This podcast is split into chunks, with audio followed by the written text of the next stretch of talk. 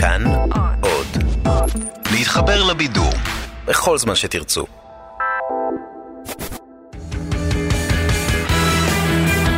פעם בשבוע, עם תום אהרון, המונולוג המרכזי. הנושא המרכזי שלנו הערב הוא הליכודניקים החדשים. הקבוצה שמירי רגב קראה לה סוסים טרויאנים שאסור לתת להם להיכנס לליכוד, ודוד ביטן קרא להם סוסים ממש טובים מעץ שבטח לא מתחבא בהם אף גורם עוין, כי הוא לא מכיר את הסיפור כל כך.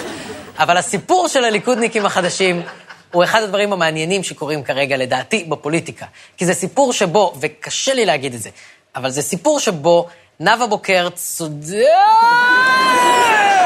אוקיי, רגע, אוקיי, אוקיי. אני אנסה שוב. זה סיפור שבו אורן חזן אומר דברים... עזבו, בסיפור של הליכודניקים החדשים, אני ממש נגד הליכודניקים החדשים.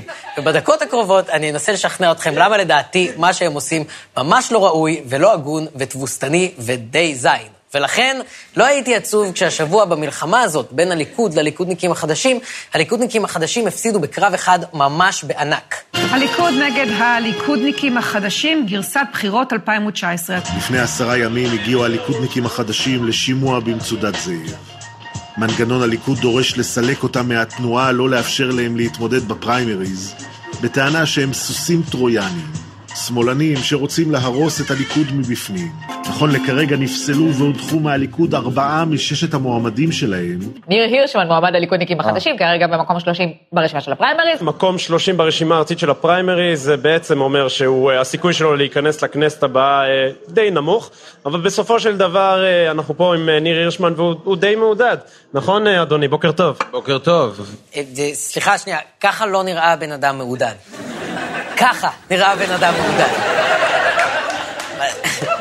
דודי אמסלם שמח פה, כאילו שההורים שלו אמרו לו שמותר לו לעשות מחנה בסלון. עכשיו, ניר הירשמן, הוא נראה כאילו דודי אמסלם הולך לעשות מחנה בסלון שלו.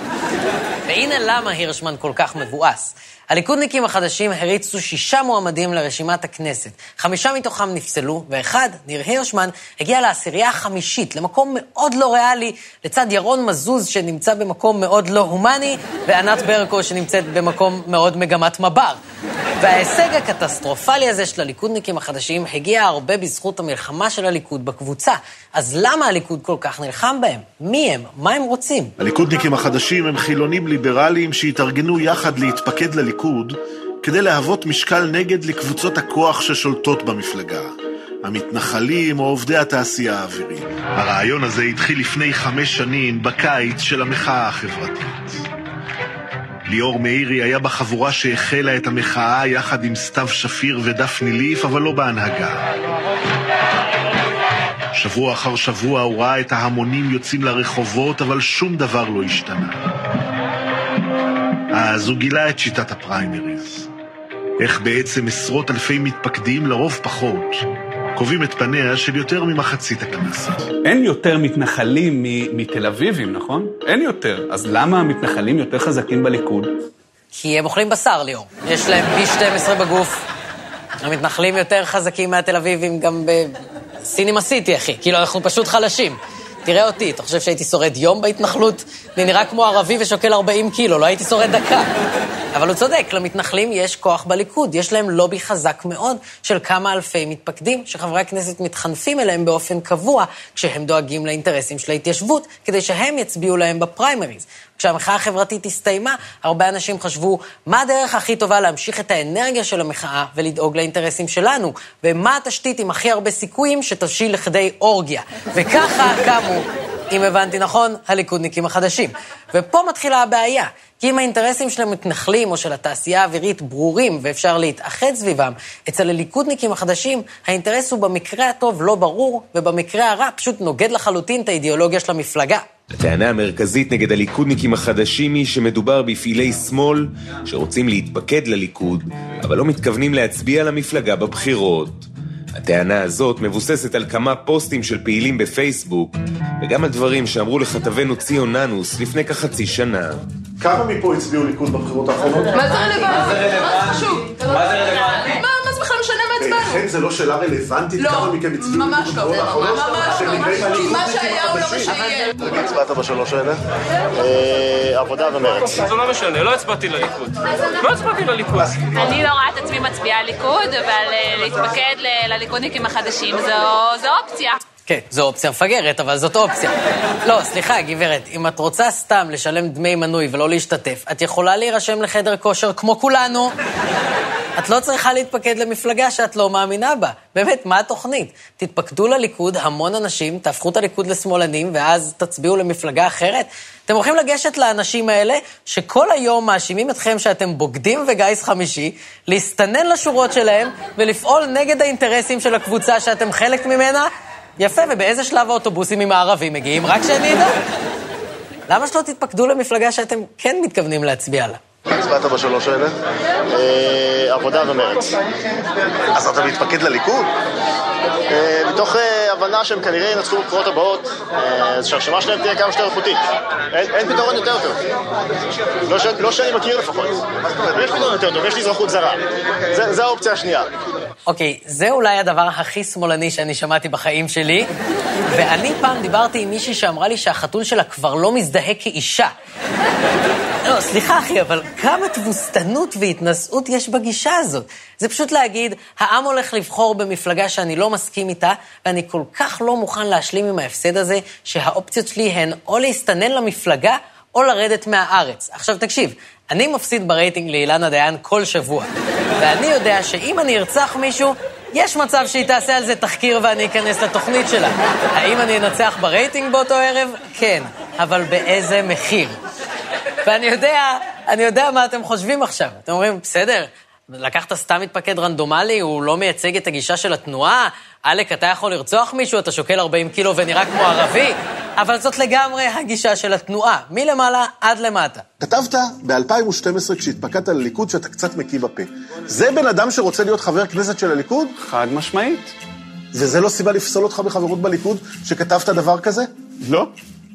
אני, יש לי, אני לא יודע, בליכוד כבר אולי שכחו, אבל יש לי את חופש הדיבור, חופש המחשבה. להגיד אני מקיא בפה כשאני... כן, להגיד את זה! להגיד, לעמוד על גג העולם, על הר, ולצעוק, ביבי, התנהלותך מבישה וגורמת לי להקיא בפה.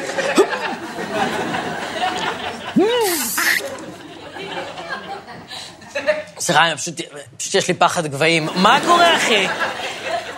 באמת, אתה מדבר על התנהלות מבישה? באיזשהו שלב כבר אמרתי, בואנה, מצידי שייתן הקלות רגולטוריות לבזק, רק שישב כבר, זה מביך. מי שמקיא בפה כשהוא מתפקד למפלגה, לא צריך להתפקד למפלגה הזאת, זה באמת עד כדי כך פשוט. ומעבר להיבט של המוסר וההגינות, זה פשוט אף פעם לא יכול לעבוד. כי מה ה-best case scenario שלכם?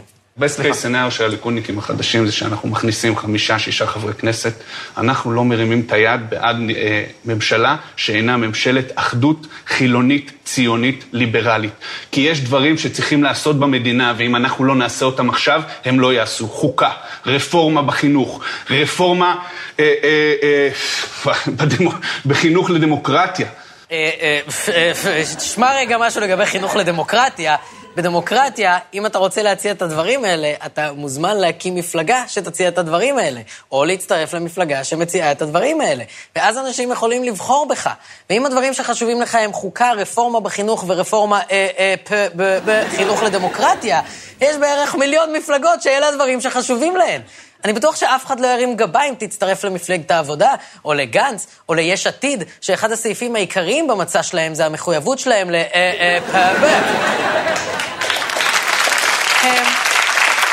ממש מחויבים לזה. יאיר לפיד התבטא המון בנושא, גם בעל פה וגם בטור שלו בידיעות. אבל אתה בחרת להתפקד לליכוד, ובבסט קייס סנריו שלך אתה מצליח להכניס חמישה-שישה חברי כנסת למקום גבוה ברשימה. ואז מה אתה חושב שיקרה?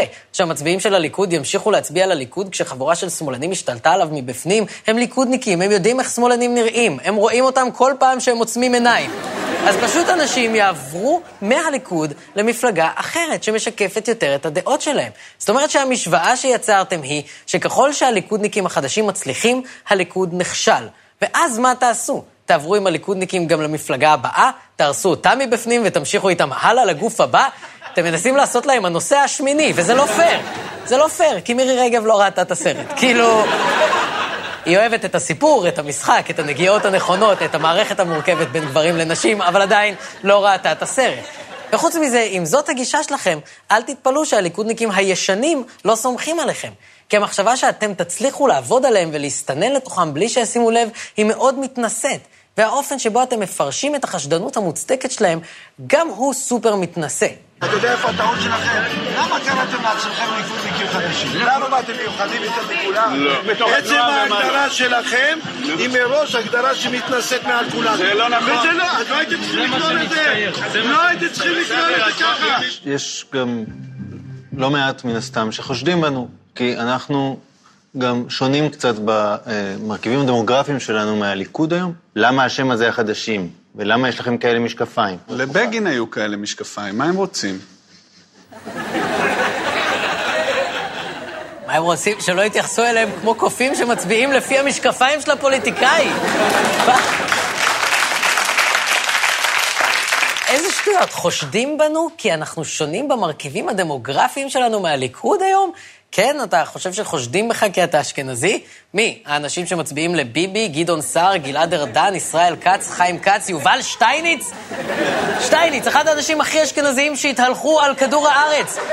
אתה יודע, כשיובל שטייניץ נכנס למימונה, אתה יודע איזה שקט נהיה בחדר? דממה. דממה, אפשר לשמוע את צליל המופלט המתנגנת. אפשר ממש לשמוע את הספינג' פוגע במפלס השמן העמוק, ואפילו על הרעש הזה שטייניץ מתקשר למשטרה להתלונן, ועדיין הם מצביעים לו. כי כשהם באים להצביע בפריימריז, הם מקשיבים למועמד ולמה שהוא אומר ועושה, והם לא מצביעים למי שמקיא בפה כשהוא מצטרף למפלגה שלהם, או למי שחושב שהם לא מצביעים עבורו כי הוא אשכנזי והם מזרחים.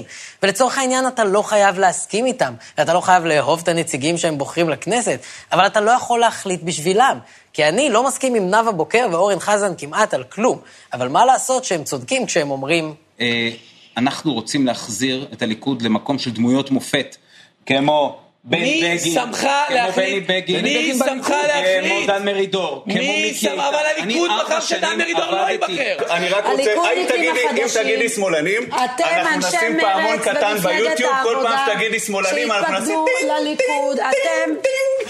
טינג, טינג, טינג. הצלחת להיות הכי גנוב בחדר שיש בו את נאוה בוקר. כל הכבוד. ואתה הצלחת להיות הכי טועה בחדר שיש בו את אורן חזן. ואתם נכשלתם, ומזל, בניסיון ההשתלטות שלכם על הליכוד. כי בסוף זה פתרון קסם לבעיה הרבה יותר חמורה, שאתם אפילו לא מסכימים להודות בה, והיא שרוב העם לא מסכים איתכם. רוב העם ימני. כן, מה ששמעת, טינג טינג טינג, אחי. עכשיו יש שתי אפשרויות. או לנסות לשכנע את העם בדרך שלכם עם טיעונים ונימוקים, או לנסות לעשות טריקים כדי שהעם יחשוב שאתם לא שמאלנים. בדיוק כמו שגנץ מנסה לעשות, ויאיר מנסה לעשות, ואבי גבאי, אני לא יודע כבר מה הוא מנסה, אבל בפועל, כולם יודעים שבישראל יש שתי עמדות פוליטיות. ימין, ואין דבר כזה ימין-שמאל, אחי. וכל עוד, כל עוד תמשיכו להתבייש בדעות שלכם ולסתום את הפה במקום לדבר, בחיים לא תהיה לכם ברירה אלא להמשיך להקיא בפה. זהו, אנחנו סיימנו. תודה רבה, לילה טוב. פעם בשבוע, עם תום אהרון, כל חמישי ב-10 בלילה, בכאן 11 בטלוויזיה.